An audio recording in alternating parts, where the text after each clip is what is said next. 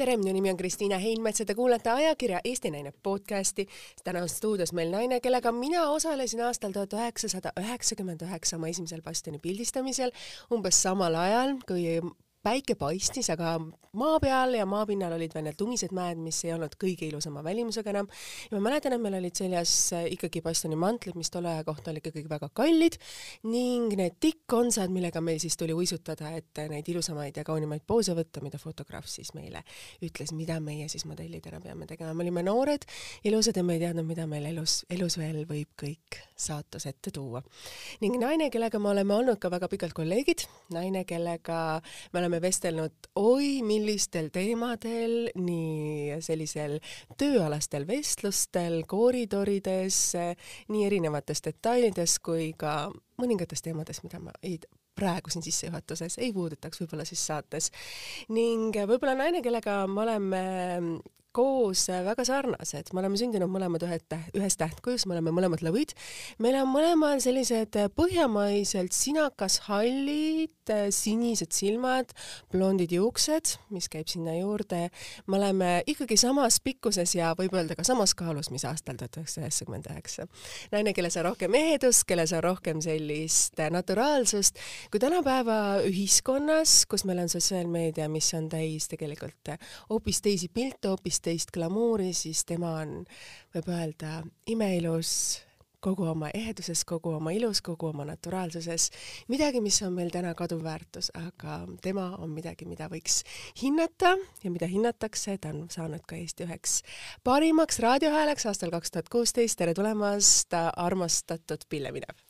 Tere ja see on nii huvitav kuulata endal, sest võib öelda, et sa tegid selle silla juba niimoodi algusest peaaegu et äh, lõpuni ära tänasesse päeva, sest see bastioni meenutus äh, tõepoolest ja kusjuures, äh, kui sina mulle tundub, oled jäänud siiani ikkagi kontsadel liikuma, siis ma ei mäleta, millal ma viimati kontsakingad jalga panin. no praegu, kui me räägime täna aastal kaks tuhat kakskümmend üks märtsis koroona ajal, eks no millal, kus, mis puhul, aga sina suudad ikkagi ka argipäeva enda jaoks teha selliseks säravaks. ma arvan, et võib-olla need on vähesed hetked, kui ma tulen podcast'i tegema, siis selles, sest suurem osa ajast ikkagi, kui ma lähen lastega jalutama, siis on need tossud või siis need paksud, paksu voodriga talvesaapad, nagu viimasel ajal on olnud ja arvestades, et meil on kuu aega veel täielikku lockdowni, kus ainult toidupoes käimine on meie ainukene võimalus või siis klaasi taga podcast'i tehes, nii et ilmselgelt neid konsakingi ma nii peale jalga ei pane ja pean tunnistama ka, et on olnud ka õhtuüritusi, kus ma lähen täiesti madala potikuga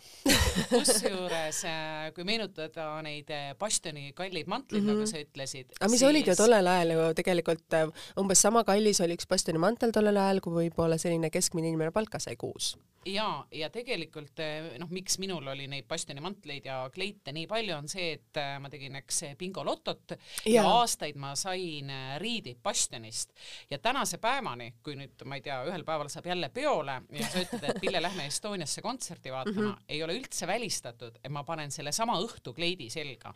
see on täiesti uskumatu, kuidas mingisugused kleidid käivad sinuga aastakümneid kaasas.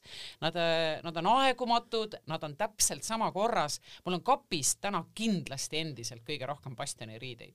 ja see on kinnituseks selles, sellele, et Pille on samas kaalus nagu aastal tuhat üheksasada üheksakümmend üheksa. no peaaegu, ütleme niiviisi, peaaegu, sest et paljud kleidid on niisugused, mis on andnud võimalust mängida mõne kiloga siia-sinna. mis te, mis lisab ainult sellist kurvikust, mis on täna samamoodi moodi tulnud? no sellega ma püüan ennast eh, ka lohutada, kuigi noh, igal talvel käib ju see lõputu võitlus sellega, et aa, nüüd ma siis lasin ennast jälle natuke paksemaks ja nüüd palun siis võta ennast jälle natukene kõhnemaks. no aga kevad tuleb, siis on ju igati mõnus aeg, ma tean, et sa oled eh, täna kiirustad ka, ütlesid, et sul on teatud aeg ainult podcast'i jaoks, et sa kiirustad minna metsa jalutama, mis on ju igati teretulnud. jah, aga see on jäänud mul tänaseks suhtlusvormiks ja see on hästi huvitav, kuna mulle meeldib väga kõndida mm -hmm. ja kuna praegusel koroona ajal neid kontakte väga ei ole ju hea kusagil tubases ruumis luua, siis veidral viisil on minu tänases päevas alles jäänud need sõbrad ja sõbrannad, kellele meeldib ka kõndida. ehk siis täna ma saan kokku Lauraga, lähen temaga metsa, homme Liinaga, lähen temaga metsa ja need kõndivad sõbrannad on siis mul graafikus. noh, järgmine nädal mul ei ole aega sinuga podcast'i teha, sest mul on kõik päevad juba täis. Äh, pikad metsakõnnid on pandud erinevate sõbrannadega paika, aga see on nagu kuidagi väga tore, et sa ikkagi kohtud. ma ei saa aru, millest te räägite, et te tunnete suhtlusest puudust minge metsa kõndima. vaata selliseid sõbrannasid nagu sinul, et sa teed lausa nädal aega või kahese graafiku, et, et iga päev on üks sõbranna. ma arvan, võib-olla neid sõbrannasid kõikidel ei ole, aga võib-olla on põhjus siis võib-olla seda hakata harrastama ja seda tekitada omavahel, et me ei lähe restorani lõunale, vaid lähme jalutame kas Tallinna vanalinnas või miks mitte Pirita rannas. ja ega mõni on kindlasti see, kellega sa kõnnid iga nädal, eks ole. et eh, kui sul no, näed. ja sõbranna Erika, kes sinuga tahab kõndida, siis sa paned alati paika nii sinuga ma kõnnin esmaspäeviti onju. mõned on siis, kellega sa saad korra kuus kokku jah oled sa ka mõelnud seda, et see, kogu see situatsioon, kus me oleme tegelikult juba natuke üle aasta olnud, et äh, meie eluviisid on palju tervislikumad? seda ma ei julge vist kinnitada, ma tean, et sellest metsajalutuskäigud võtame kasvõi? jah, metsajalutuskäigud, aga noh, mina näiteks iseenda puhul olen mõelnud, et äh, mind väga palju päästab minu raadiotöö selles tähenduses, et äh, kui ma ei käiks raadios tööl ja kui ma ei peaks nii vara hommikul ärkama ja kui ma ei peaks nii reibas olema, siis ma arvaksin, et tavalise kodukontori inimesena mulle meeldiks igal õhtul näiteks juua veini. sest et ma näen, et kui on puhkepäev mm, -hmm. siis no naljalt ei tule sellist puhkepäeva, et ma lähen laupäeva õhtul tassikese tee taga magama. ma teen ikka endale kas mingi kokteili või ikkagi ma joon veini. ma ainult sellepärast ei saa igal õhtul tarbida alkoholi, et äh, lihtsalt ma oleks järgmine päev uimane ja ma ei saaks raadios nii-öelda hakkama. ja ma ei ole kindel, et me tegelikult elame tervislikumalt, võib-olla see, mida me väljapoole näitame, noh, me sööme tervislikumalt ja ise keedame, aga me sellest veinipudelist nii palju ei räägi ma olen sinuga absoluutselt nõus, et kindlasti see veini tarbimine on suurem ka, ma pean tunnistama, et ka minul endal teinekord, et õhtul sa tunned, et sa oled väga pinges, sa ei saanud ikkagi seal trennis käia, et sa võtad selle õhtusöögi juurde selle klaasi veini. noh, küsimus ongi see, kas sa pead seda nüüd iga päev tegema, aga sama lugu, et kui sul on need pikad õhtud, midagi sul teha pole, nagu Eestimaal on suht külm ja pime, et noh, mida sa siis teed tegelikult. et ma arvan, neid inimesi, kes võib-olla selle osaga on nagu libastunud, on kindlasti võib-olla rohkem jah, nii et selles mõttes töö hoiab teinekord sind nii-öelda niimoodi joonele. no ja samas on ka ju see olukord meil esimest korda Eesti Vabariigis, et selleks, et raba külastada, tuleb jutumärkides võtta pilet, et vaadata, millal on siis hea minna, sest seal on see kontsentratsioon veel suurem võib-olla kui kuskil kaubakeskuses. olen seda tõdenud eh, linnarabas, nüüd mm -hmm. kui mhm. olid päikesepaistelised ilmad, siis no, eh, ma kindlasti ei ole varem mitte midagi nii pöörast seal näinud aga samal ajal, kui sa juba natukene oma kodukandi metsa tunned, siis tegelikult leiab ka need sopasemad, need natuke kitsamad, need nii-öelda kehvemad rajad, kus ongi nagu metsikum ja võib-olla noh, selles mõttes ägedam käia. ma tean, Pille, et ma, kui ma kutsusin sind podcast'i tegema, siis sa ütlesid ühe nagu siia saatesse, sa ütlesid väga ägeda lause, et kas podcast on see, kuhu võib tulla juuksed sassis? ma ütlesin jaa, loomulikult ja ilma meigita jaa, sest et vist mõned teevad ka pildiga, mis minu jaoks on tüütu, sest et, sest et võtta kätte meikimise asjad, ma isegi mõtlesin sellele, et kui nüüd ühel päeval hakkaks need üritused ja asjad äh, toimuma taas, et ma arvan, et mu meikimise asjadel on parim ennetähtaeg ammu möödas. et eh, noh, praegu mitte kuidagi ja võib-olla ka nagu harjud ära sellega, et nii nii-öelda ei viitsi selles tähenduses, et äh, meil ju Raadio Star FM ikkagi on tänaseks ka päris aktiivseks läinud sotsiaalmeedia mm, -hmm. Instagram ja Facebook, mis tähendab, et me ikkagi filmime. ja ma olen aru saanud, et äh, iga päev ma ennast ilusaks teha ei jaksa, ei jõua, ei viitsi, mis tähendab, vahet pole no kui ma nagunii siin ühel päeval juba padja näoga olen, no mis ma siis ennast järgmisel päeval hakkan ikka väga õide lööma onju, et, las siis nagu läheb sedaviisi edasi, et on selline padja näoga pille. aga teil on ju raadios ka mingisugune kaamera vist seal nurgas kuskil, mis näitab küll sellist udust pilti, nii et see, see võimaldab sul ikkagi tulla hommikul otse voodist ärgata, nägu puhtaks pesta, ära kreemitada, hambad puhtaks ja kogu lugu. tead, kui armas Kristiina, vaata nüüd tuleb välja meie ajalugu. nüüd tuleb välja see aeg, mil me töötasime sinuga ühes majas, kui sina olid TV TV3-s ja sa läksid alati meie stuudiost mööda. hommikul? asjad muutunud. meil Aha, on hoopis no, ilusam ja suurem stuudio ja õnneks seda kohutavat kaamerat meil enam nurgas ei ole. et nüüd on ainult need hetked, mis me ise siis filmime, aga noh, selge on see, et sa igal mm -hmm. hommikul midagi siis Instagrami, Facebooki panema pead, nii et igal hommikul me midagi filmime no aga see on ju siis äh, jälle teistmoodi siis jaa, see on, ongi teistmoodi ja seetõttu noh, mm, on kuidagi mu jaoks see sotsiaalmeedia olnud selline äh,, ise mul endal näiteks Facebooki ei ole, mul on ainult Instagram ja ma olen tähele pannud, et äh, suur hulk, miks mulle tegelikult Instagram meeldib või mis on nagu nende kahe erinevus minu jaoks. Facebookis ma saan aru, on ka skandaalid ja poliitilised sõnavõtud ja ma võin halvasti öelda ja sõimata. Instagram on ikkagi ju selline positiivne ja ilus maailm. ja enamus inimesi, keda sa seal jälgid, on ikkagi ilusad. noh, kuna mul on nüüd nagu töö tõttu olnud juba see, et ma selle padjanäoga pean seal pidevalt nii-öelda esinema, siis olen ma nagu jätnud ka nagu oma konto selliseks, et tead, vahet ei ole nagunii, kui sa seal maal või kusagil laudas käid, mis sa ikka nii väga ilus oled, onju, läheb siis nii, nagu see päris elu on. lohutuskonto. sul on ju Instagramis ka väga äge selline tsitaat ette pandud, mida tavaliselt ei ole ikka, tavaliselt on kedagi tsiteeritakse või nii ja sinul on väga lihtne ja otsene külaelu, eluolu emakeel on oluline. Ja ma olen, muideks see on üks asi, mis mind inspireeris võib-olla või aeg-ajalt isegi inspireerib mingisuguseid Instagrami story sid üles panema, et vahetevahel ma tahan äh, kirjutada mingeid selliseid lauseid või tuletada meelde mingeid niisuguseid mõisteid, mis mulle tundub, et äkki hakatakse juba ära unustama.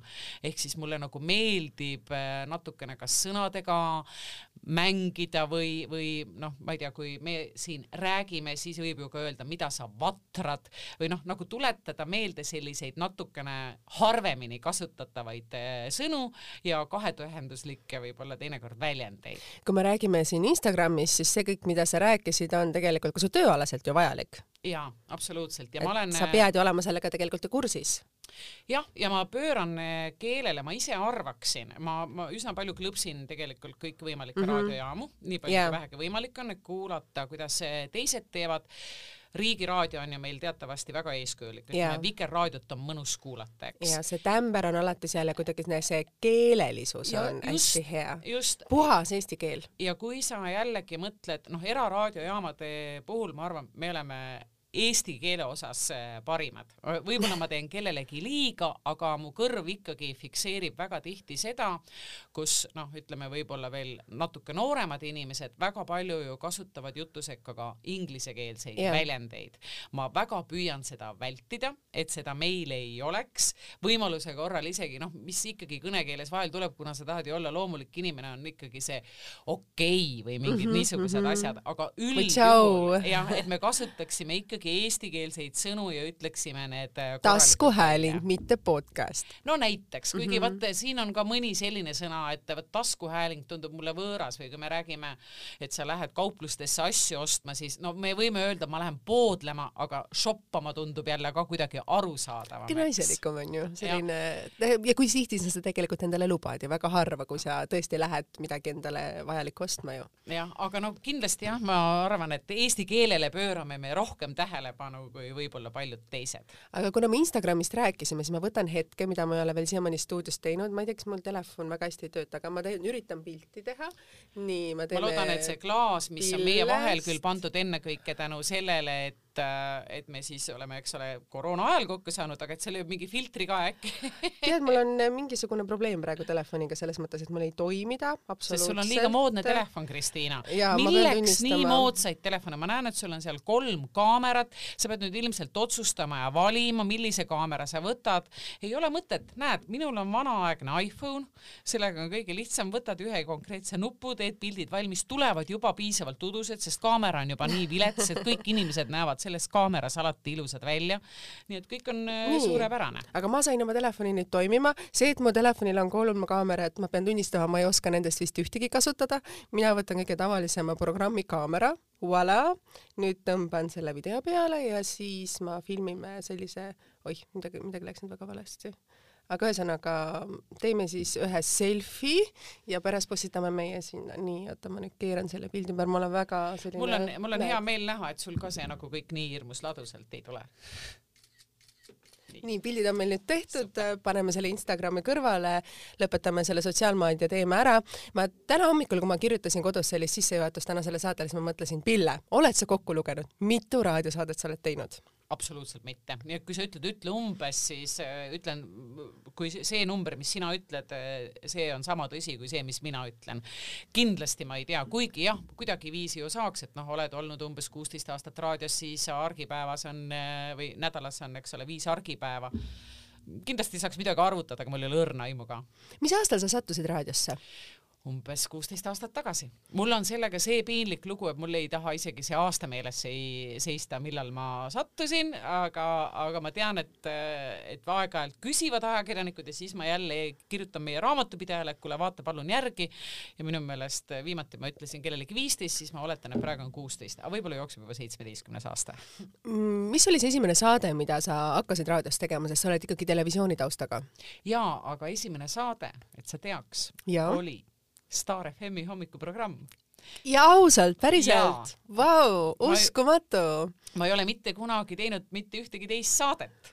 ma olen väga vähe käinud äh, üldse teistes raadiojaamades külas, ma olen praegu elus esimest korda siis podcast'i saates, eks no see on ka uus trend. ja see on ka uus trend just nimelt, nii et ma olen tegelikult töötanud ainult ühes jaamas ja teinud ainult ühte asja, minu kõrval olevad inimesed on muutunud, aga mina olen olnud siis aegade algusest peale nii-öelda ise samas jaamas täiesti selles mõttes uskumatu, et kuidagi äh, arvestades sinu sellist nagu meediakajastust ja asju, siis äh, kuidagi tundub, et sa oled nagu selle aasta aja jooksul nagu teinud äh, kümneid asju, mitte ainult ühte ja, ja tege-, jah, ja tegelikult olen ja ma ei olnud selles tähenduses ju ka siis enam väga noor, kui mina raadiotööga pihta hakkasin, eks.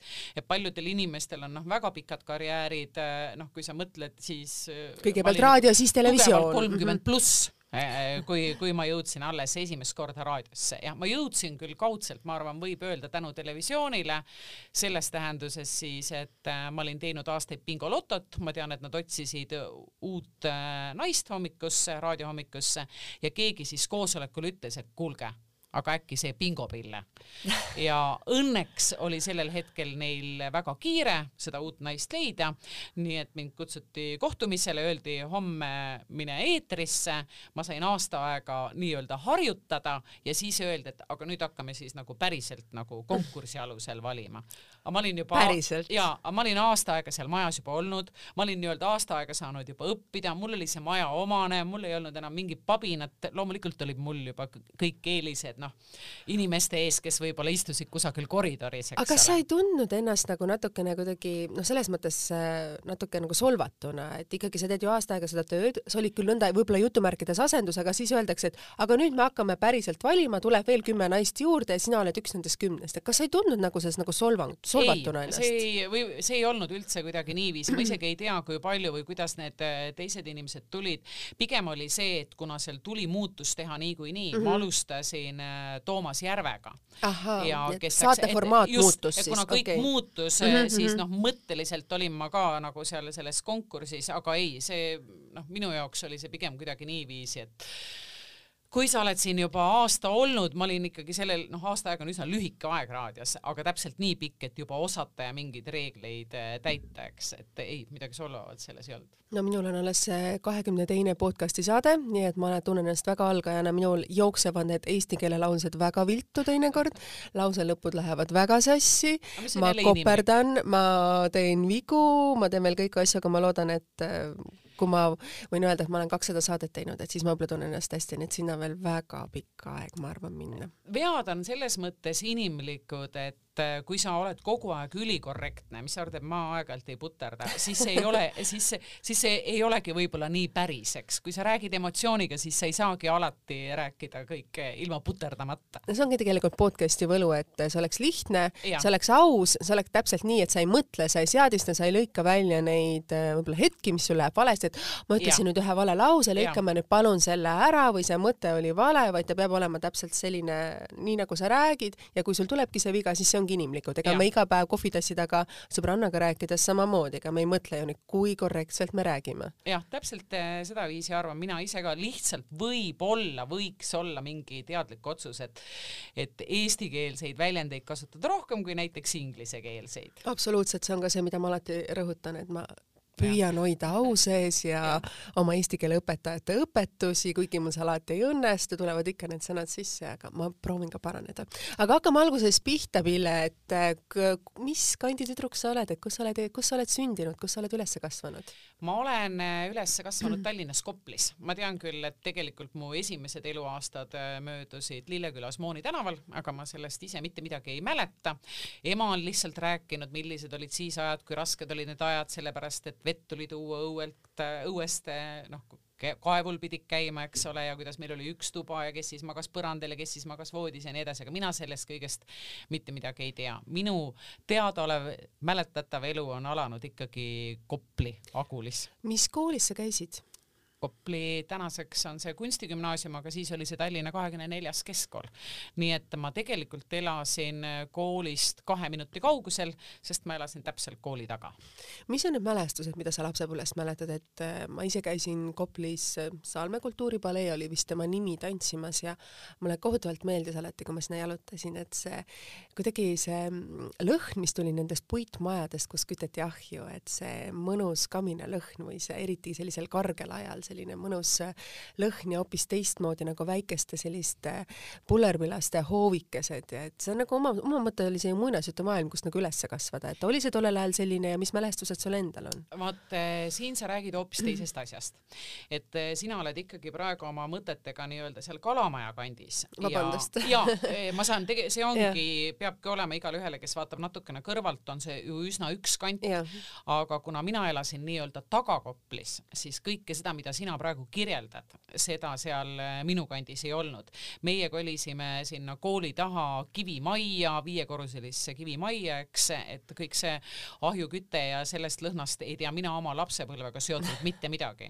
minu lapsepõlvega seostub pigem see, et ma elasin täpselt selle tagumise Kopli pargi kõrval, ehk siis ma valdavalt oli seal venekeelne elanikkond, see, need vähesed eestlased, kes olid Eesti lapsed, need olid siis omavahel üks kamp onju, ülejäänud olid äh, vene lapsed, ma olen harjunud äh, sellega, et kui ma jooksen mööda Kopli parki ringi, siis äh, iga kolmanda suure kivi juures on mingi venekeelne joodikute kamp, kes olid alati väga sõbralikud, jõid pudelist viina, naeratasid lastele, ei käperdanud meid, ei teinud midagi halba, vaid noh, minu jaoks nagu selline laila, laila, laila selline purjus vuntsidega sooja silmavaatega mees oli normaalne, elementaarne nähtus äh, lapse mänguväljaku kõrval. see kuidagi ilustas seda Kalamaja rajooni idülli, millest me täna räägime, mis on kõige hinnatum piirkond, kus on kõige kallimad korterid täna ja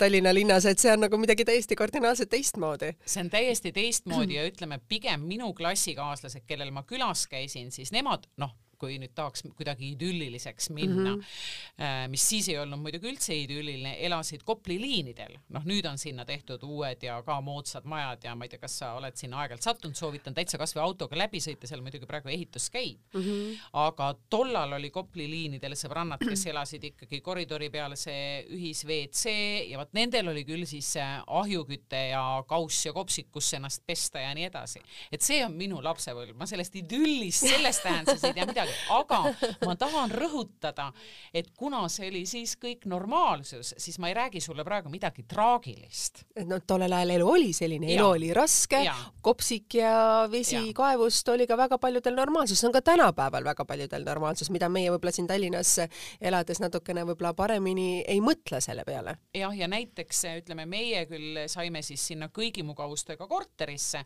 aga loomulikult ühiskorterisse. et me ei olnud ainuke pere, meil oli neljatoaline toaline korter, kus kahes toas elas üks vene pere ja siis teises kahes toas elas meie pere. et teil oli ühine vannituba, WC ja köök? just, just. mis ühel päeval sai kõik meie omaks. kuidas see siis juhtus? ja ma mäletan seda oma lapsepõlvest, noh Google'i tuli vist mingi taotlus teha ja ma mäletan, et mingid tädid käisid meil, ma olin väike mm -hmm. ja kõndisid mööda meie elutuba ja ütlesid ja, ja, ja see tõesti on väike. ja mina mõtlesin, et mis neil viga on midagi ei ole väike, see tuba on täiesti, täiesti paraja suurusega, mis mõttes meil on siin väike või liiga vähe ruumi, aga ühel päeval siis me saime kõik neli tuba ja. aga su vanemad elavad seal siiani või ema? ja mu ema elab, mu vanemad, ema-isa mõlemad tegelikult siis, isa mõned aastad tagasi lahkus, aga on nagu jäänud sellesse korterisse ja see on hästi huvitav, et ema on mulle nii-öelda nelikümmend aastat rääkinud, et seda Kopli korterit, seda ei ole mõtet maha müüa. ühel päeval, ühel päeval on see hinnas ja nüüd ma olen vahel mõelnud, et äkki äkki see päev isegi jõuab juba kätte, sest noh, tõesti seal nii-öelda liinidel on ju nüüd need korterid, mis juba on hinnas, eks. mis on ikka noh, väga eksklusiivne kinnisvara ja sinna soetamine ja see on nagu väga eksklusiivne e-, e eluvaldkond, et mis on nagu äge tegelikult, et see on üks kaunimaid piirkondasid tegelikult Tallinnas, see on imeilusad vaated Tallinnasse, seal on rand on lähedal, et kõik on seal justkui ka olemas, aga see oli nagu teistmoodi maha jäetud kant, et see on is iseenesest minul tallinlasena on ilus vaadata, et see areneb. jah, kuigi kui sina nüüd otsustad, et sa ühel päeval ostad oma pojale korteri, mm, -hmm. siis võib-olla sa ostad sinna uutesse majadesse, mis on liinidele, aga tõenäoliselt sa ei osta ära minult minu lapsepõlvekorterit, sest sa ütled, et ma sellist igavat, seda viiekordset, seda mm, -mm, seda maja ma ei taha vot ma ei oska seda öelda, et sa paned mind praegu fakti ette või mida ma võiksin teha, ma ei ole nagu sellistele detailidele nagu mõelnud. lapsed on veel liiga väikesed, aga ühel päeval sa hakkad sellele mõtlema mm.. ja kas sa käisid ka keskkoolis siis sealsamas koolis ja, ja edasi? Ja mina ei ole pidanudki rohkem mitte midagi õppima, vot ma olen mõelnud, et ma olen minu meelest sündinud äh, tohutult heas põlvkonnas. selles mõttes, no üleüldse, kui ma kasvõi võtan näiteks tänase päeva vaatevinklist, et praegu, kui on see koroona ja kõik, siis ma ei tea, kas me oleme sinuga suhteliselt üheealised, eks mm, -hmm. kas sa ei mõtle vahel, et appi, kui õnnelikus põlvkonnas ma olen sündinud või kui heal ajal ma olen elanud, et me ikkagi saime pidutseda ja, ja ninapidi koos olla ja no kui sa mõtled eh, kasvõi sellele, kuidas praegu lapsed on distantsõppel ja nii edasi ja nii edasi, et minu meelest meie põlvkond on elanud erakordselt õnnelikul ajal ma arvan, et me elasime ajal, kus äh, me ei öelnud, ei öelnud vanematele, et kus on mu iPad, kus on mu iPhone, kus on mu arvuti, kus on mu need Netflixid, kus on need asjad. meil oli ainuke asi, mine õue, mängi õues mida ma tahan teha, lähen õue. et minu arust oli tollel ajal võib-olla oli normaalsus, et ma läksin, ärkasin üles näiteks laupäev-pühapäev, tahtsin midagi teha, tegid oma koristusasjad ära, teadsid, nii kõrvalmaal elab äh, sõbranna Katri, lähen koputan ukse peale, tere Katri, kas sa tuled õue? ei tulnud, siis lähed te,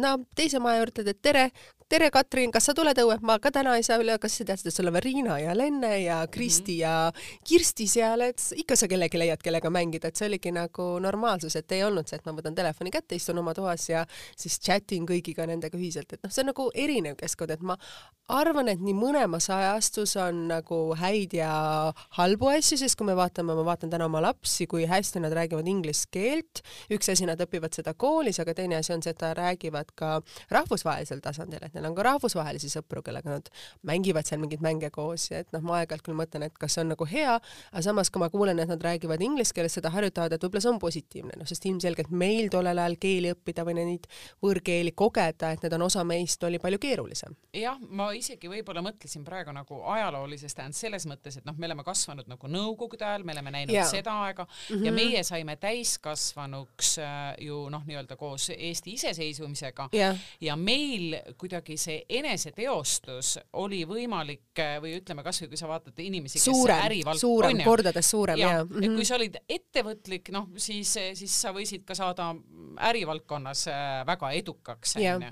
et, et kuidagi mulle nagu tundub, kui ma vaatan oma sõpruskonnas, äh, siis mõned noh, ajakirjanikud või, või mõned teises kohas äh, tublid edukad inimesed, et kuidagi sa võisid saada tunnustatuks, edukaks, läbilöögivõimeliseks, edukaks ka lihtsalt iseenda peale hakkamisest absoluutselt ja tegelikult on ju väga suured eh, Eesti suurimate ettevõtete võib-olla omanikud, mitte nüüd need tippjuhid, vaid omanikud, on ka tihtipeale kohe pärast keskkooli ärisse sukeldunud äh, tollel ajal noored poisid, kes siis eh, kas nad omasid haritud või ei omanud haridust, suutsid oma samamoodi oma ettevõtlikkusega üles ehitada suured kontsernid ja samamoodi mitmed telesaatejuhid ja asjad, et see kuidagi juhtus. et sa olid õigel ajal õiges kohas, sul olid need õiged omadused ja nii see oli. just, et no näiteks kui ma täna vaatan, kui meil tööl otsitakse mm -hmm. kedagi, ma ei tea, turundusosa osakonnas või kusagil. Yeah., need CV-d, noh, tegelikult on ju tänane noor inimene jälle pigem, ma saan aru, väga palju õppinud, on ju, magistrikraad on juba saanud äh, normaalsuseks, mhm. on ju, et noh, umbes äh, ärme siin mingeid neid pakasid hakkagi praegu vaatama, vaatame neid, kes on juba ikkagi siin magistrikraadiga, siis mul tuleb nagu õud peale, ma olen oma loomult laisk inimene, mõtlen, küll ma olen heal ajal elanud, eks ole. Piisas lihtsalt tõepoolest nagu sellest enda niisugusest entusiastlikust õpihimust, onju, aga täna on ikkagi hoopis, hoopis teistmoodi, ma arvan kuidas sa sattusid televisiooni siis? Sattusin vist samavõrd juhuslikult äh, selles mõttes, et üks sõber, kes töötas reklaamibüroos, helistas mulle ühel päeval ja ütles, et kuule äh,, tead, sina oled see inimene, kes peaks hakkama Bingo loto saates numbreid ütlema ja mina olin nii naiivne, et mina arvasin, et ta seda juttu ainult mulle rääkis. ma ei teadnud, et ta oli sinna Eesti Lotosse saatnud veel teisigi selliseid äh, blonde ja sinisilmseid tüdrukuid. esimese hooga ma vihasin, mõtlesin, ma lähen ära, aga õnneks ma seda ei teinud ja, ja niiviisi siis mind sealt välja valiti. Aga see on ju omamoodi väga äge töö oli, sest siiamaani on sul mõnes mõttes, kuidas öelda, see märk natuke juures. kuidas sa ise sellesse märki nagu suhtud, et mina ei tahaks seda välja öelda, et ma ei tahaks nagu kellegi, kedagi nagu sildistada, aga sa ise just seda alles hetk tagasi ise ütlesid enda kohta täpselt samamoodi, et sa sai, see sai nagu mõnes mõttes sünonüümiks, sind sildistati, samas noh, noore tüdruku jaoks mõnes mõttes on see hea, mõnes mõttes on see, kas see on jälle õige mind ei ole see sildistamine, et ma olen pingopille mitte kunagi häirinud ja ma olen natukene võib-olla üllatunud sellest, et minu meelest on see täiesti ära kadunud. et äh, ma isegi, isegi võib-olla nagu kuidagi on see ootamatu, ma tean, kui ma olin mingil hetkel kusagil haigla registratuuris, äh, rääkisin vanema prouaga, kes seal registratuuris töötas ja siis see vanem proua ütles mulle, et teie hääl tuleb mulle kuidagi tuttav ette ja siis ma mõtlesin, kas tõesti noh, nagu eeldaks, et minu põlvkond või vanem põlvkond mm -hmm. ütleb ikka, et te olete see bingopille või? ei, ikkagi räägitakse nagu häälest ja nagu raadiotööst, et mm -hmm. mingil veidral viisil, ma arvasin omal ajal, et see bingo ei kao mitte kunagi ära, aga see on täiesti ära kadunud. mitu aastat sa seda bingot tegid? aa, no vot, see on mu nõrk lüli, no mitte ma tegin, ma arvan, panen praegu huupi kümme no aga raadiotöö ongi siis järelikult ju pikemaajalisem olnud, nii et seega on. ka see praegu, praegusel hetkel, et ka selle järgi sind siis rohkem teatakse, et ilmselgelt see käib ka ju ajastuga kaasas. jah, ja bingo tegelikult ei läinud ju järjest, et vahepeal olid mul seal nii-öelda augud sees esimest korda vist siis, kui ma hakkasin tegema Seksuaalset kaamerat, sellist saadet, ma ei tea, kas sa tead. Oi jumal, oli niisugune saade ka kunagi.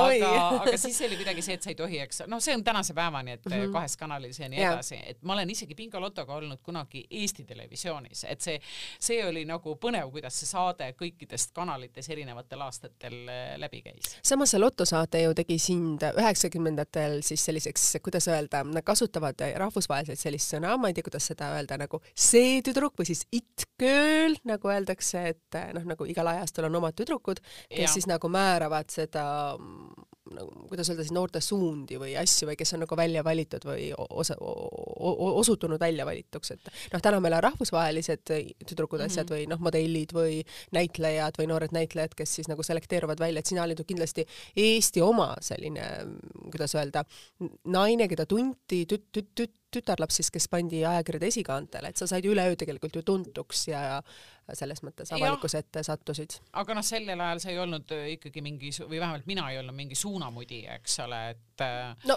tollel ajal ei olnud suunamudimist, siis oli tollel ajal ütleme need tüdrukud, kes olid esikaanel, kelle ja. järgi ikkagi nagu mõnes mõttes joonduti jah, ja kuna ma olen ikkagi pigem olnud aegade algusest peale võib-olla niisugune laisk ja, ja ei ole, ei ole ka väga moodne inimene olnud, siis lihtsalt äh, mul oligi tänu sellele õnne, et äh, Merike Pääro, kes töötas bastionis, eks ole, pani mu iga kord pealaest jalad allani riidesse. mulle nii tohutult see meeldis, ma tollal vist ostsin oma esimese kodu ka ja elasin samamoodi kusagil ahjuküttega ja kausi ja kopsikuga, siis oli see, oo, täna on bastionipäev, täna saab bastionisse duši alla, saab ennast jälle korralikult ära pesta ja siis seisid seal pesuväel, siis Merike muudkui tassis sulle neid eh, riideid ette, onju, sina võtsid jälle, seda ma tahan, seda ma tahan, see istub nii hästi, noh, ta juba tundis ka su keha nagu ja. päris kenasti, mhm. onju. et jah, selles mõttes oli see väga tore aeg ja televisioonis siis sa sattusid edasi raadiosse, aga sa said ka noorelt emaks vahepeal ma ei saanud tegelikult eh, vahepeal, vaid eh, mul läks kuidagi see järjekord niiviisi, et ma sain kõigepealt emaks. okei, ma mõtlesin, et kuidagi said telesaadetes. oleks, see kõlab võib-olla loogiliselt, aga kuna ma sain suhteliselt noorena, kuigi minu meelest selle kui vana sa olid? kakskümmend no tollel ajal see oli nagu, oli Enam noor vähem. ja ei olnud noor, sest noh, väga paljud said oma esimese lapse ja hiljem siis ja. äh, saadi hiljem. ja aga minul oli nii, et ma sain kõigepealt lapse äh, ja siis hakkasid kõik noh, ütleme enne bingo lotot, äh, mul olid veel äh, sõbrannad Anu Samarüütel ja Ene-Liis Semper, kes mm -hmm. tegid tollal juba mingid, oli mingid moeshow'd ja mingid mm, -hmm. et mhm. sõbrannadele ma olin juba nagu modelliks ja siis olid eh, Peeter Laurits ja Erki Meril olid fotograafid ja yeah. siis sõpradel olid ka vahel modelliks, et noh, võib-olla seal olid nagu mingid esimesed sellised asjad mm, -hmm. eks ole. Ja see tasus väga ära, see ikkagi ma mäletan, noh, need mingid pildid, mis tehti või, või ka bingoloto, eks ole, see ju majanduslikult andis ikkagi olulist tuge sellel ajal. kui sa said kahekümneaastaselt äh, nagu emaks, et kas oli siis nii, et pärast keskkooli oli, kuidas öelda, armastus õitses kohe üleöö? Äh, ma ei tea, kas päris nii, aga ma olen küll hiljem ja just tänases päevas palju sellele mõelnud, kus me saame lapsi oluliselt hiljem, eks mm. -hmm. ja, ja see on väga teema Mm -hmm. ka minu sõpruskonnas, noh, ütleme, et kui mu sõpruskond on ju selline, kus on minust oluliselt nooremaid inimesi ja ka vanemaid inimesi, ja nähes, kui, kui keeruline on tänase lapse saamine väga sageli vanemas eas ilmselgelt jah. eks, et üks asi ka nende on... rasedustega kaasnevad komplikatsioonid. just mm -hmm., noh, meditsiin on õnneks arenenud ja, ja saab mm -hmm. palju aidata, aga teine moment on ka see, et äh, palju keerulisem mulle tundub, on leida enda kõrvale õiget kaaslast, kui sul on juba mõistus peas no kui sa oled üle kolmekümne näiteks, eks, et leida siis see, see õige kaaslane on, on raskem. Õnneks mina, eks, ei mõelnud, tõepoolest silme eest lõi mustaks, noh, mu tütre isa on minust kümme aastat vanem, tema juba tahtis isaks saada, onju, kui sa oled armunud, siis kõik, mis sa soovid. Õnneks ei olnud aega mõelda, sest ma olen mõelnud, et hiljem, kui mul juba oli mõistus peas, noh, ma olen ju olnud, eks, mitu korda abielus ja nii edasi. mitu korda sa oled abielus olnud? ma olen abielus praegu kolmandat korda noh, kui me räägime seaduslikust abielust, eks, et iga kord hiljem sa juba nagu, nagu mõtled ja siis sa mõtled, kas ja vaatame ja kus ja siis hakkad mõtlema, kas tõesti kodud ja mis kõik tänapäeval peab olemas olema, onju. Õnneks sellel ajal, kui meil, ma ei tea, kellelgi ei olnud autosid ja et see oli elementaarne, et kellelgi ei ole, et sa sõidad bussiga ja ja pole kodugi ja, ja pole võib-olla saapaidki nii-öelda jalas, onju. et õnneks sellel ajal ma olen nii õnnelik, et ma, et ma nii mõtlematu, nii tuulev ja nii sinisilmne olin väga-väga ägedalt nagu kirjeldad seda perioodi, aga mm, see on nagu huvitav, et äh, kuidagi sellest keegi ei tea, et sa oled olnud kolm korda abielus, see tuli minu jaoks natuke üllatus, ma teadsin, et sa oled olnud kaks korda, aga kui sa nüüd võrd-, võrdled, äh, kui meil on nüüd naiste saade ja sa võrdled kõiki neid kolme erinevat abielu, et mis on need sulle nagu õpetanud ja kas iga ütleme, üks abielu viinud järgmiseni nagu õigete asjade pärast või miks need on nagu lahutusteni viinud või kuidas sa, kuida-, kui sa ise nüüd nagu tagasi vaatad oma mm -hmm. lugu nagu kirjutades mm -hmm. nagu mhm. selles valdkonnas, et seda ei ole paljudel nagu teha? Mm, ma arvan, et äh, mul on nii-öelda vedanud sellega, et äh, minu kõrval on alati olnud äh, väga huvitavad ja väga sisukad inimesed, mis võib tähendada ka keerukusi ja miks on see nüüd takkajärgi alati hea ja lihtne öelda, miks on see kõik väga tore, et see niiviisi on olnud, on see, et äh, ma suudaks uskuda, kui ma mõtlen ennast nooreks inimeseks, et äh, ma oleks võib-olla tahtnud ikkagi ka suhtes olla suhteliselt selline, et kuulge, mina tean ja, ja, ja mina räägin ja minuga nii ei tehta. Aga kuna mul on olnud õnneks üsna iseloomukad inimesed kõrval, siis nad ei ole lasknud mul nii-öelda laiata, ehk siis iga suhe on äh, mul natukene nagu nurki maha lihvinud. et äh, täna olles abiel, abielus ja esimest korda siis ka kiriklikult laulatatud, sest sellega ei naljatata, sa võid seal õnnepalees käia ja perbüroos ja seaduse silmis abielluda kasvõi kakskümmend seitse korda, aga kirikusse tohib inimene minna ikkagi ainult ühe korra. et äh, ma arvan, et kogu selle niisuguse keerulise ja värvika elu tulemusena siis noh, ma sain nagu ühel hetkel valmis, minust saigi hea naine nii-öelda, hea elukaaslane. et kui ma võib-olla esimeses abielus veel kraaksusin korralikult vastu siis täna ma oskan olla nagu tolerantsem. kui sa vaatad tagasi oma esimese abielu peale, siis et mis olid need teemad, mida sa naisena ei suutnud aktsepteerida või mis olid need, mis sa ise mainisid, panid sind nagu mm, vaidlema? Äh, tead, ma arvan, et ma suutsin aktsepteerida kõiki teemasid ja mind üllatas, et äh, mu abikaasa ei suutnud kõiki teemasid aktsepteerida, sellepärast et äh, tegelikult jällegi, kui me tuleme minu loo juurde tagasi, et ma olin seal Koplis ja nii edasi, minu jaoks, ma olen mõelnud, et kas, kas minu lapsepõlves üldse oli mingeid selliseid mõtteid, et oo, tahaks kunagi abielluda ja siis, siis on mul mees, kellega me oleme õnnelikud ja käime käest kinni. ma arvan, et ma isegi ei mõelnud nii, sest mulle tundus see kuidagi loomulik kõik, et perekond ongi nagu see, kus äh, emad tulevad suurte toidukottidega töölt koju ja on väsinud ja ma nagu ei saaks öelda, et mul emal-isal oleks olnud mingisugune tohutu romantiline suhe või mulle nagu tundus, et ega suhe ongi selline, kus üks klapib vaipa ja teine triigib pesu ja noh, nagu ma ei saaks öelda, et meie vanemate elu väga idülliline oleks olnud. raske aeg oli.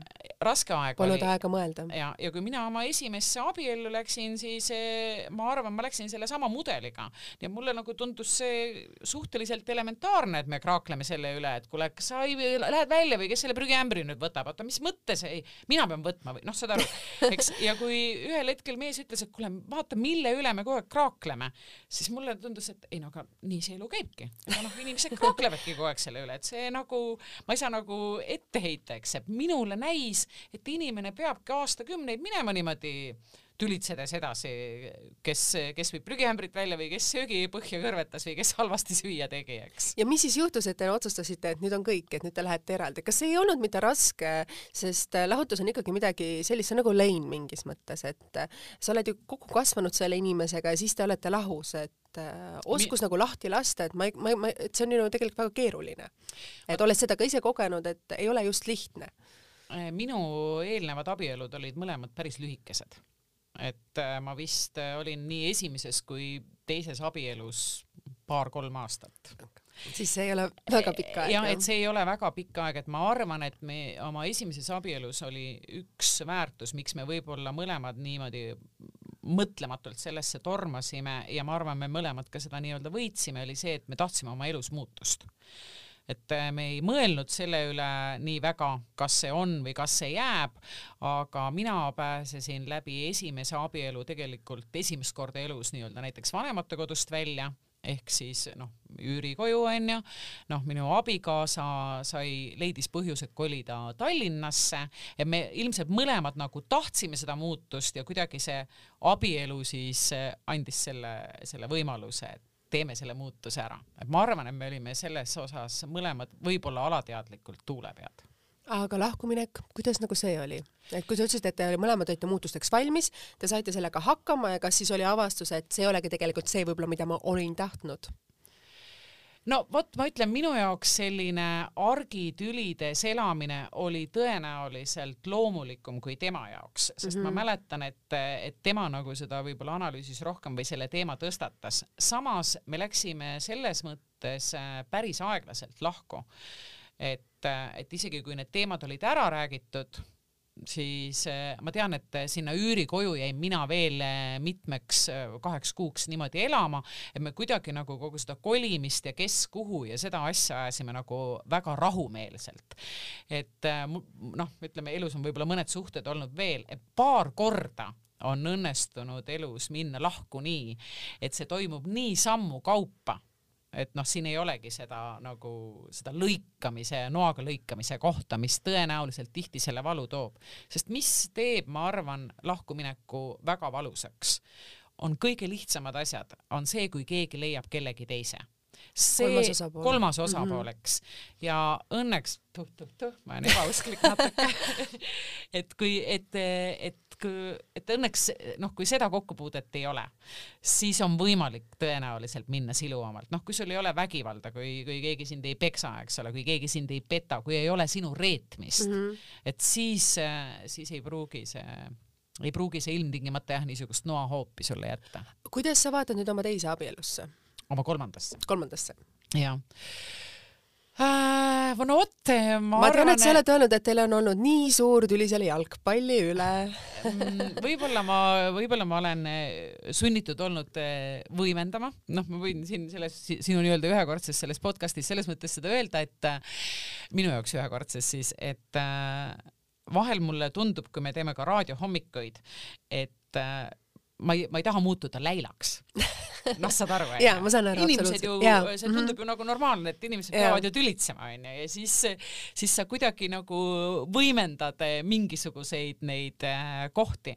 et äh, jah, tema vaatab väga palju jalgpalli, aga mis, mis näiteks minus tõepoolest, et kuigi ma olen olnud ka varem abielus, siis äh, ma vist ei olnud varem kunagi lõpuni kindel, et, et saada olla lõpuni kindel. Ja seetõttu ei jõudnud ma ka kirikusse ja laulatusele, aga tänaseks olen ma selle teinud, nii et see peaks ütlema kõik et sa oled täna lõpuni kindlud, et sa oled kindel, et sa oled leidnud endas tasakaalu, sa oled leidnud endale endasse kõrvale inimese, kes, kuidas öelda, hoiab sind tasakaalus, kes toetab sind, austab sind, respekteerib sind sellisena, nagu sa oled, sest sa ütlesid, et sa tunned täna seda kindlust, et ma olen lõpuni kindel, et sa olid nõus minema kirikusse. ma pidasin silmas oma tundeid, ma ei ole vist siiani ise kunagi kasutanud enda kohta seda tasakaalu juttu, mida tegelikult ju räägitakse nii, nagu kunagi käidi ennast otsimas kogu aeg onju siis siis nüüd on tasakaal ja ma ei julge seda tasakaalu selles mõttes väga esile tuua, et äh, me ikkagi, ka mu abikaasa minu meelest on keskmisest emotsionaalsem inimene, kuidagi tasakaal tundub mulle, et peaks olema selline normaalne ja, ja kuidagi tasakaalukas alati oma väljenduslaadis ja kõik. ma ei tea, kas me oleme nagu tasakaalukad, aga ilmselt me oma suhtega siis oleme tasakaalus. No,. ilmselgelt oled sa lõvi, nii et sa ei saa kunagi ja, tasakaalus olla, sa oled emotsionaalsem, sa oled impulsiivsem, sa oled kindlasti see, kes vajab seda suurust, äh, suurt maailma, et ringi käia, ringi olla, et see käib ju sellise, kuidas öelda, su tähtkujuga juba kaasas, ilmselgelt su partner peab olema ju sarnane. Jah, äh, ma ei tea, kas ta peab olema sarnane, et ma olen isegi vahel talle öelnud, et äh, kuna tema on ka teinekord emotsionaalne, et siis noh, ei saa ju mõlemad korraga olla, onju, et sa ikkagi kuidagi jonksutad seda, ahah, praegu, eks ole, vehib tema kätega, olgu peale, ma siis olen nüüd see tasakaalukam pool, onju. siis teinekord ta nagu nii-öelda jõuab ette ette. ma tahaks ise praegu olla see, kes nagu vehib, onju. aga siis, siis ei tule head nahka, kui me mõlemad hakkame mingi asja peale vehkima kätega. ma küsiks ka selles mõttes, et sul on olnud, on ju kolm abielu ja kuidas sa ise nagu vaatad, et kuidas sa oled ise naisena nagu arenenud, et eh, kindlasti võib-olla tollel ajal, nagu sa ütlesid, kui me hüppasime pea ees oma ellu pärast seda keskkooli, et kuidas me hakkama saame, me ei mõelnud tegelikult, kes me oleme, mis me oleme, mida me elust üldse tahame. kõik, mis tuli lauale, seda võetud, palju ei kaalutud, palju ei mõeldud. ehk ka see, see, et milline naine ma tahaksin olla, et seda ei antud ka meil kodus kaasas, sest see ei olnud tollel ajal oluline, et elu vaja, elus, elu vaja ela, elu vajas, kuidas öelda siis mm, -hmm. elamist, asjad vajad teg-, vajas, asjad vajasid tegemist, elu oligi selline. aga sa ei ole nagu ise mõelnud, et milline naine sa oled ise tahtnud olla ja milliseks naiseks sa oled võib-olla tänaseks saanud? Tead, ei ole mõelnud jah. mul nagu ei ole neid, ma ütlen neid asju, neid eneseleidmisi ja tasakaalus olemisi ja seda üleliia mõtlemist, et on nagu on. kuidagi ausalt, asjad on ise tulnud, asjad on ise kulgenud ja niiviisi ongi. ma olen äh, üsna ausalt öelnud, ma arvan, ma elan väga nii-öelda lihtsat elu, mina olen niisugune lihtsa elu pille selles mõttes, et äh, mis siin mõelda, et kui ma kuulan ka inimesed ju käivad tihti mediteerimas tänapäeval ja joogades ja, ja mida kõike mina ei tea, ju siis minu mets ja maa ongi minu meditatsioon ja jooga ja nimetame neid asju siis niipidi ümber, kui tahame ja ongi kogu lugu. mets ja maa, mis mõttes sa seda mõtestad eh,? noh, eks mu täna, kus ma elan päris palju maal, siis ikkagi see kõik, mis mind ümbritseb, see igapäeva tegemised, kõik need meie loomad, eks noh, mitte mina oleks tahtnud lambaid võtta, aga kuna mees need tahtis juba võtta. lambad, lambad, see on mul kuidagi midagi märkamata jäänud, et sina ja lambad ja no vot, see üllatab võib-olla mind ennast ka, aga. mind kohe väga, teades meie bastioni, kuidas öelda, neid meikimishetki ja kontsakinge ja asju, siis see on nagu väga suur ring. see on väga suur ring, muutus on, on olnud küll minu enda jaoks ka suur, aga tõepoolest vedas jällegi sellega, et enne kui ma oma abikaasaga tuttavaks sain, olin ma just jõudnud osta ühe maakodu. Äh, ja siis äh, läks mõni kuu mööda, siis ma sain mehega tuttavaks, mees ütleb siiamaani, et kindlasti oli mul sinna maale ühte orja vaja, kes, kes seal orjama hakkaks. ja, ja nüüd on see kodu siis juba tõepoolest selline, kus on meil ka laut ja kus on meil ka loomad ja, ja.... kes neid talitab? Ma pean tunnistama rohkem tema, et hetkel, kui on poegimise aeg äh,, iga päev vaatame, üks lammas peaks täna-homme või ülehomme, eks äh, saama siis tallekesed ilmale tulema, et. sa võtad seda vastu, sünnitust vastu? mu mees võtab et eh, eelmisel aastal, kui oli mitu, mitu rasket eh, sellist poekimist, see sattus täpselt eh, koroona kevadesse mm, -hmm. õnneks ta sai jääda siis kaugtööle mm -hmm. täiesti maale, siis ikkagi, kui sa küsid, kes selle käe sisse ajab, kui on kaksikud, kolmikud ja midagi keerulist, siis ei, Kristiina, mina see ei ole ja mina sellega hakkama ka ei saaks. ma just mõtlen, et see on natukene noh, linnas üles kasvades maa, maaelu on ju hoopis midagi muud, et. on, ma olen üsna koba väga paljudes asjades, õpin kõike, aga meil on lihtsalt tõesti täiesti ebatavali, mul on üks väga ebatavaliselt tore külanaine, kes on valmis minusugust linna, linnablondi õpetama. ma olen oma elu esimese kasvuhoone saanud, ta on käinud, ta on õpetanud, ta näidanud, näed, pillenööre pannakse nii, nüüd tõmbad nii, taimed võtad siit nii, nende asjadega pead niimoodi tegema, Pille, mis jama sa siin jälle kokku oled keeranud, nüüd õpetame sulle seda tegema, ühesõnaga ma õpin iga päev kas me võime öelda siis seda, mida sa oled ka ise öelnud ühes intervjuus, et unistused on teoks saanud? jah võime lõpetada selle saate sellise lausega? jah, sa väga ilusasti võtsid selle kokku see on väga äge, mida sa kõik rääkisid, aga kuna sina oled teinud raadiosaateid lugematu arv kordi, nagu sa ütlesid, ligi kuusteist aastat, siis mida ütleb üks raadiosaate töötaja alati selle saate lõpus? ma võin sulle, ma annan sulle teada selles mõttes, et see saade on kuulatav meil Spotify's, Tasku Delfi keskkonnas ning SoundCloudis, nii et palun tee sina siis lõpusõnad seekord noh, kuulates nüüd kõike seda ise ka kõrvalt, mida ma siin rääkisin, siis mulle tundub küll, et need väikesed asjad, mis on meie, meie elus, kui me ikkagi mõistame nende asjade üle rõõmu tunda, on see siis see, et ma lähengi täna sinna metsa või vau, lõpuks ometi ma sain, sain hea juturaamatu kätte, noh kui me oskame seda hinnata, siis päriselt tuleb vähemalt kakskümmend seitse korda naeratus suule päevas väga armas ja väga ilusad sõnad. nii et aitäh teile, kuulajad, et te olite koos meiega, aitäh, Pille, et sa sellel koroona ajal, kus me kõik kardame liigseid kontakte. ma panen Iga... kohe maski ette, nii kui püsti tõuseme no meil on klaasid on ees, meil on terve ruum tuulutatud, desinfitseeritud, nii et ei tohiks midagi probleemi olla ja me paneme ka maskid tagasi endale ette, kui me siit püsti tõuseme, nii et aitäh sulle, Pille, et sa tulid, aitäh teile, kuulajad, et olite meiega. me loodame, et me suudame, et suutsime teile selles saatega tuua natuke inspiratsiooni, natukene naeru ja natuke sellega, et kunagi pole õige, kunagi pole liiga hilja alustada otsast peale, kunagi pole hilja viia oma unistusi täide ja alati tuleb teha seda, mida su sisetunne ütleb, siis on see õige tee. isegi Koplist võib jõuda lammaste talitajaks ja omades sellist, kuidas öelda, kõrgetasemelist professionaal, professiooni, millest paljud ainult unistada saavad. Väga ilusti kokku võetud, aitäh sulle, Kristiina aitäh teile, kõike head ja kohtume teiega juba nädala pärast, head aega!